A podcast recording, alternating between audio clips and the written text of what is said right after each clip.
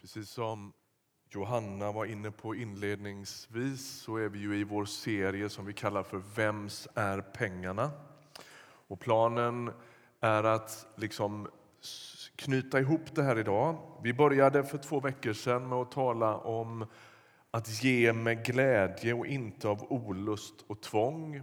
Och förra veckan handlade det om att ge som gåva vad du har fått som gåva. Och idag skulle jag vilja um, fundera tillsammans med er över hur man kan ge utifrån en sorts längtan att likna honom. Att livet, generositeten, attityderna till vad vi har och vad vi har fått på något sätt koppla till vem han är. Man skulle kunna sätta rubriken idag att följa Jesus med sina pengar. Och Det första vi måste konstatera då det är Bibelns rungande budskap. Gud är god. Alla Bibelns texter liksom vänder och vrider på tillvaron och återkommer gång på gång till det här faktumet. Gud är en god Gud. Han har skapat människan för att han ville det. Han har lagt ner något av sin skaparglädje, av sin godhet och sin generositet i hela tillvaron. Och Det där blir synligt i naturen, i den sinnrika skapelsen och det blir inte minst synligt när han skapar människan. Gud är god. Men så är det ju så att han har skapat tillvaron och om vi håller oss till människan en stund har han skapat henne inte som ett slutet system där allt är på plats från första dagen och sen kan hon liksom sköta sig själv och lämnas åt sitt öde. Nej, människan är skapad med oändligt många behov som ju ständigt ska fyllas gång på gång. Vi blir återkommande hungriga, vi behöver mat, vi blir törstiga, vi blir trötta. Har du tänkt på det faktum att vi liksom är med om en slags liten död en gång per dygn när vi går in i total medvetslöshet. Hela livet är ju cykliskt på något sätt. Va? Och saker och ting återkommer och vi behöver ständigt möta, eller de här behoven måste ständigt bli mötta. Vi har stort behov av ljus. Det märker vi inte minst så här års. Vi bara längtar efter ljus. Närhet, ömhet, godhet, förståelse, kärlek, nåd, förlåtelse. Det finns ingen gräns på hur många behov vi har som ständigt behöver bli mättade. Och jag tänker, alla de där behoven har ju Gud lagt ner i våra liv och skapat oss med dem. Ehm, och jag undrar, kan, kan du se att det där också är ett uttryck för Guds godhet? Han skulle ju kunna skapa oss utan behov av att äta och sova och tröstas och sova. Allt det där ligger nedlagt i människan och han har skapat någon slags tomrum i våra liv som han själv vill fylla. Man, kan, man skulle kunna tänka att det var lite taskigt gjort på ett sätt, att vi alltid känner oss lite längtande efter saker. Men det är ju precis där som Guds godhet finner sin kontaktyta. Gud kan med sin godhet möta människan som ständigt är behövande. Vi läser ifrån psalm 85, Saltarens 85 psalm. Tre verser ska vi läsa där. Det här är fint. Det står så här. Godhet och trofasthet möts Fred och rättvisa omfamnar varandra. Trofasthet spirar ur jorden, rättvisa blickar ner från himlen. Herren själv ger allt gott, vårt land ger sin gröda. Ska vi inte stanna en stund vid det där uttrycket trofasthet spirar ur jorden? Vad menar psalmisten när han säger så här? Ja, men I alla tider är det ju så att det har funnits säsonger. Man sår i åkern och Gud ger växt fram på höstkanten. Det är liksom tydligt i ett bondesamhälle och genom alla generationer hur man tar emot det man behöver ur Guds hand. Trofastheten växer ur jorden framför ögonen på folk. Är ni med? Det här är inte alldeles enkelt för oss att fatta, för nu finns ju allt. Vi har industrialiserade jordbruk och vi har effektiva kycklingfabriker. Vi importerar grönsaker som gör att säsongerna uteblir ju allt mer. Det är ju inte alldeles glasklart samband när jag går på, på mataffären och handlar mina grönsaker att de kommer ur jorden. De är importerade med lastbilar och flygplan och grejer. Och det står Spanien, och Marocko, och Sydamerika och allt möjligt på dem där. Och allt finns hela tiden. Men för människor ända fram till för två generationer sedan så var det ju påtagligt att Guds trofasthet växte upp ur jorden. Det gör den fortfarande. Det är bara att inte vi riktigt ser den kopplingen. Bibeln vill liksom ständigt påminna oss om att allt gott kommer ur Guds hand. Det där hörde vi ju Ea predika om förra söndagen. Till sist kommer allt som är gott från honom. Vi går till Jakobs brevet. Så säger Jakob så här, vers 17. Kapitel 1, vers 17. Förlåt. Allt det goda vi får, varje fullkomlig gåva kommer från ovan, från himlaljusens fader hos vilken ingen förändring sker och ingen växling mellan ljus och mörker. Gud kommer med allt gott och han är all godhets ursprung. När vi smakar något gott, och då menar jag inte smakar som vi äter nödvändigtvis, när vi erfar något gott så är det Gud som är dess källa. Men människans synd gör oss inkrökta i oss själva, brukar man säga och har sagt genom kyrkans historia. Man blir upptagen med sitt eget. Man får hela tiden liksom kämpa för att inte glömma Gud och andra människor. Därför att det är som en slags inkrökthet i livet som synden har kommit med. Och den där inkröktheten, den, den, den gör att det blir svårt för oss att liksom förstå hur det här hänger ihop. Den där goda gåvan vi har fått från Gud och som han anförtror oss som hans medarbetare tenderar att ibland, i värsta fall, spä på den här inkröktheten när vi samlar åt oss själva. Vi är rädda, vi har prestige, vi har en massa saker som liksom låser och binder oss. Så till och med det goda som Gud ger kan i värsta fall vara med och spä på inkröktheten. Resurserna, skördarna, alltihop bara gör att vi vill ha mer. Och det är syndens härjningar.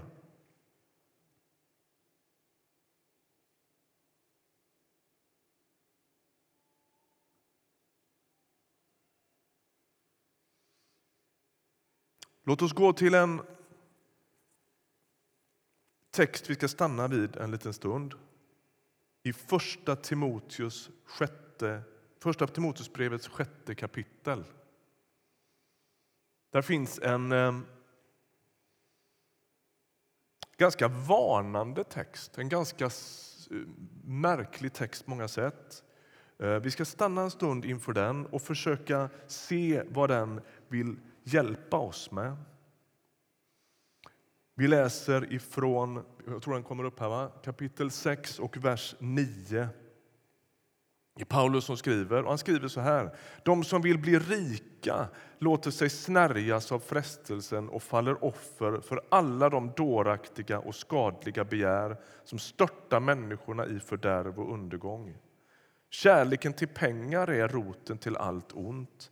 Genom den har många förts bort från tron och vållat sig själva mycket lidande. Men du som tillhör Gud, håll dig borta från sådant. Sträva efter rättfärdighet, gudsfruktan, tro, kärlek, uthållighet och ödmjukhet. Vi läser nästa också. Kämpa trons goda kamp. Sök vinna det eviga livet som du har kallats till och för vars skull du har avlagt den rätta bekännelsen inför många vittnen. Tro, kärlek och uthållighet. Gud ger det goda och kallelsen är att liksom leva i tro. Att ta emot ur hans hand, att erkänna att det jag har kommer från honom. Är ni med? Det finns liksom som två rörelser i den här texten. Antingen så vänder jag mig, eller två, vad ska jag säga, två riktningar i livet. Antingen vänder jag mig åt det här hållet och tänker det jag har, det jag behöver, det jag söker, det måste han på något sätt ge mig. Och Det som har lagts i mina händer det har kommit från honom.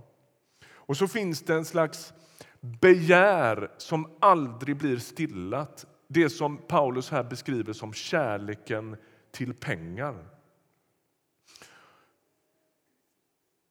Handen på hjärtat kan vi alla känna igen den, eller hur? Vad gött det är med mycket pengar. Det är ju en jättestark drivkraft för många människor. Och Då blir frågan hur ska man hantera det här. För det första måste vi ju stanna inför det där. då. Kärleken till pengar är roten till allt ont. Det låter ju väl kategoriskt och väl häftigt. Är det verkligen sant? Men tänk så här. Om inte kärlek till pengar fanns i vår värld så skulle ingen handel ske med droger. Då skulle ingen handel ske med vapen. Då skulle ingen handel ske med människor. Om kärlek till pengar inte fanns skulle stormakternas agerande i Mellanöstern se extremt annorlunda ut med tanke på den in ekonomiskt intressanta oljan som allt verkar handla om där nere. Det finns ganska många släkttvister i Sverige som inte skulle äga rum om relationerna vore viktigare än pengarna. Det är enormt starka krafter. De är så starka så Jesus ger pengarna ett avgudanamn. Han kallar dem för mammon. Varför gör han det? Det är inget annat, inga andra utmaningar i våra liv som får ett avgudanamn av Jesus och behandlas på det där sättet. Jag kan ju tänka att det finns en del andra frestelser och utmaningar i livet som skulle kunna kvala in där också. Men det är just pengarna som verkar äga avgudens egenskaper. Kanske för att det är de som ständigt försöker ta Guds plats. Pengarna ger trygghet, pengarna ger framtidstro, pengarna ger identitet, pengarna ger hopp och så vidare. Allt det där som Gud ville ge människan kan man kortsiktigt få av pengar. Okej, okay. Vi målar upp det här. Då, va? Gud är god, han är alla goda gåvors givare. Allt gott kommer från honom och trofastheten växer ur jorden.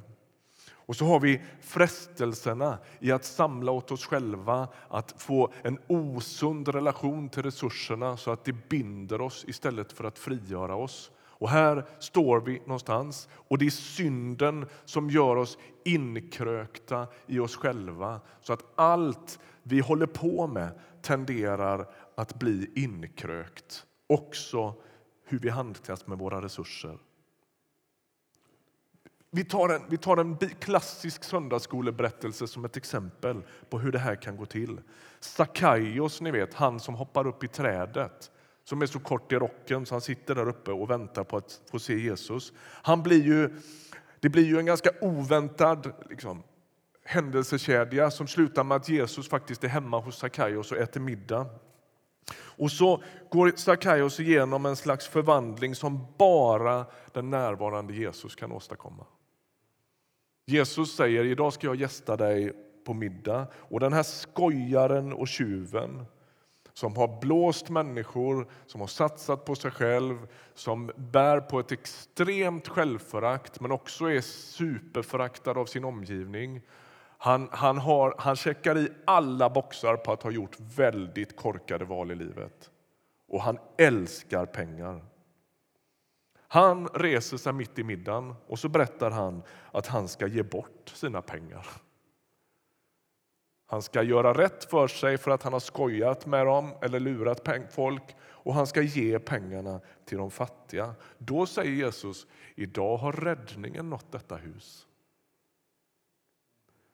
Det är ganska intressant när Jesus säger det. Man kan ju tänka så här, när Jesus kliver över tröskeln hemma hos Sackaios, är det inte då räddningen når det huset? Det kan ju inte komma mycket mer räddning än så in genom dörren. Jesus är här. Nu kom räddningen. Men det gör han inte. Utan det är när Sackaios gensvarar på Jesu godhet som räddningen är ett faktum. Alltså när inkröktheten, eh, själviskheten, samlandet, ljugandet, skojandet, egoismen bryts och han rätar upp sig, myndigförklaras och re responderar på Guds godhet. Då säger Jesus, nu luktar det räddning här inne. Det där betyder ju inte att frälsning kan köpas för pengar. Det fattar ju ni också, ni är ju inte dumma. Det ser jag på er. Ni fattar ju den här grejen. Det är ju inte det jag säger. Utan det jag säger är att räddning har att göra med en slags förändrad riktning. Jesus kommer med sin godhet och öser den över människan och den godheten Avsikten med den, äh, det finns massvis med avsikter med den, men en av poängerna är att den godheten för mig till omvändelse, säger Paulus. Alltså, det är inte när Gud skäller, Gud han skäller inte på människor för att vi ska vända om. Han är god tills vi vänder om. Eller, ja, han är god sen också. Jag hörde själv hur dumt det lät. Ni fattar. Det är hans godhet som leder till omvändelse. Sackaios får smaka på Guds chockerande generositet. Det är det som gör också honom generös. Hans inkrökthet bryts exakt där. Och allt det han har förlorat i relationer och självrespekt börjar upprättas när han bryter med sin inkrökthet. När han gensvarar på Guds godhet. Eller ta urförsamlingen som föds på pingstdagen. Det får en rad konsekvenser i människors liv. Guds godhet bryter in på ett sätt som är helt unikt i världshistorien. Det har aldrig tidigare skett. Guds helige ande fyller alldeles vanliga människor på pingstdagen. De är ju med om en slags godhetschock. De har smakat Guds godhet på distans. Plötsligt bor Gud i de här människorna. Vad får det till följd? De börjar bryta brödet tillsammans i nattvardsgudstjänster. De deltar i bönerna, de lyssnar till undervisning och de får faktiskt ett nytt förhållande till pengarna. De får upp ögonen för de fattiga. Ingen betraktade längre något av det de ägde som sitt. Det där står väldigt uttryckligen i texten i Apostlagärningarna som ett slags tecken på att Gud liksom rör vid folk. Ja, men det här måste vara på riktigt, därför att det omfattar till och med plånboken. Så verkar Bibelns logik funka. Ja, men det här skojar man inte bort. De börjar ge bort sina pengar. Och notera vad det står här då. Ingen betraktar något av det de ägde som, sist, som sitt. Kommer du ihåg att vi sa för ett par veckor sedan att det här sker inte av olust eller av tvång utan i glädje. De äger fortfarande saker. Det är ingen sån här liksom, du vet, när kungen bestämmer sig för bara någon slags reduktion och plockar in alla e e e, e-, e- egendomar i, i, ett rike. Det är inte det som händer här. Utan utifrån en glädje, ett förvandlat hjärta och ett möte med Guds godhet så börjar de förhålla sig på ett nytt sätt till sina ägodelar. De betraktar det här som allas. Och det verkar ha fötts ur erfarenheten av Guds gode ande. De äger somligt, men verkar ge bort väldigt mycket. Men relationen till det de äger har förändrats så att man har det gemensamt. Här blir det så tydligt hur inkröktheten är bruten. Guds godhet hade myndigförklarat de här människorna att leva som Jesus. Tillbaks till första Timoteus sjätte kapitel. Kärleken till pengar har fört många bort från tron, stod det här. Och så ställs liksom Gud och ha-begäret i någon mening i kontrast till varann.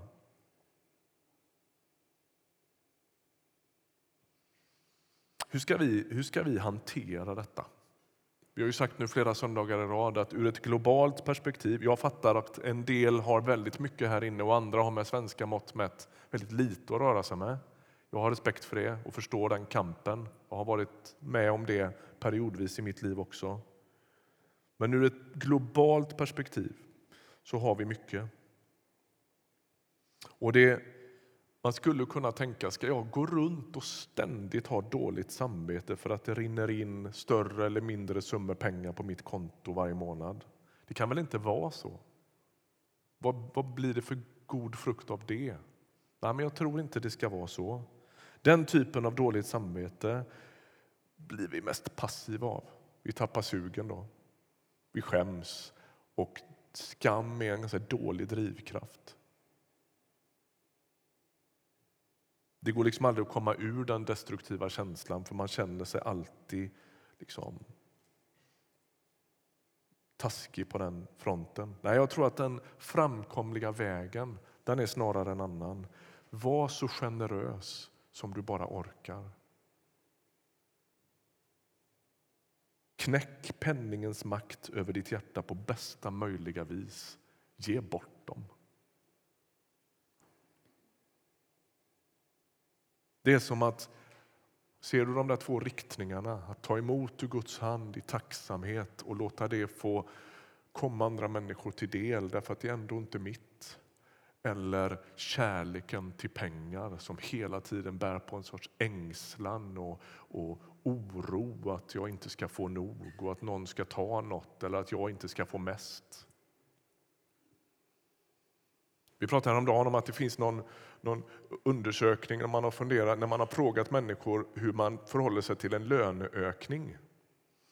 Om man, om man fick välja mellan två saker, antingen får jag en ganska rejäl löneökning men alla andra får det också. Eller jag får en mindre löneökning men jag får mer än de andra. Så föredrar folk den här. Var ni med? Antingen kan man få tusen kronor i löneökning. Det är bara att alla mina arbetskamrater fick lika mycket. Eller också kan man få 400 i löneökning fast alla andra fick 200. Då väljer man 400. För man vill ha mest.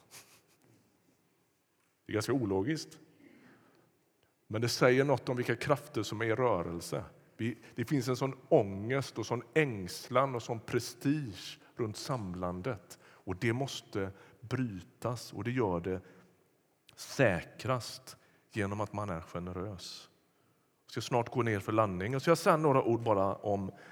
Vi har ju pratat tre söndagar om givande nu. Ehm, och vi har inte sagt ett ord om tionde. För många människor här så är det en självklar, ett självklart förhållningssätt när man pratar givande. Eh, det finns ju några texter i Gamla testamentet som talar om tionde.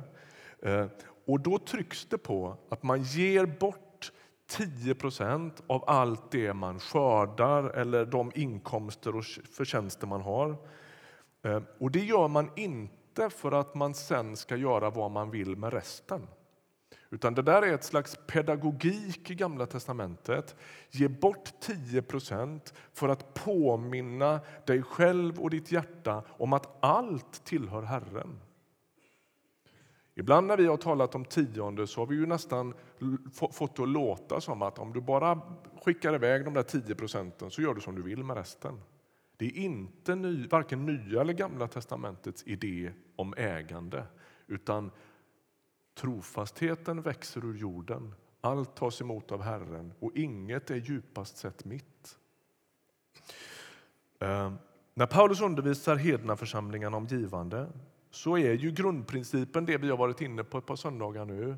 Att var och en får ta ansvar för det man har och inte för det man inte har.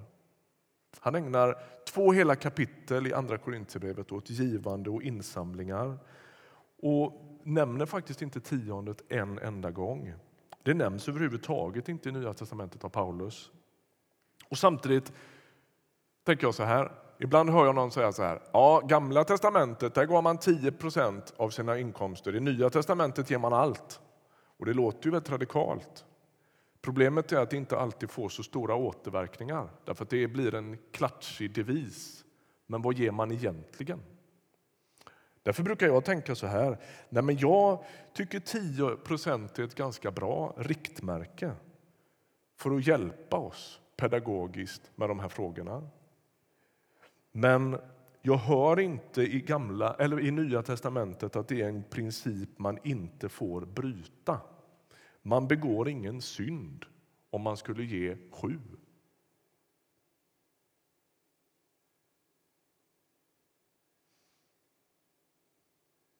Nog om teknikaliteterna. Låt mig få avsluta med att säga så här. Dagens predikan den handlar om att en lärjunge i allt försöker likna sin mästare. Hur skulle Jesus göra? Vad önskar han se växa fram i mitt liv? Hur kan jag låta pengarna tjäna Guds rike och Guds syften istället för att pengarna drar mig bort från honom? Och inte minst viktigt, där skulle jag vilja hänga kvar dig i i avslutningen av predikan. Hur blir jag genom mina prioriteringar och min generositet ett vittnesbörd om Guds godhet? Låt oss be tillsammans.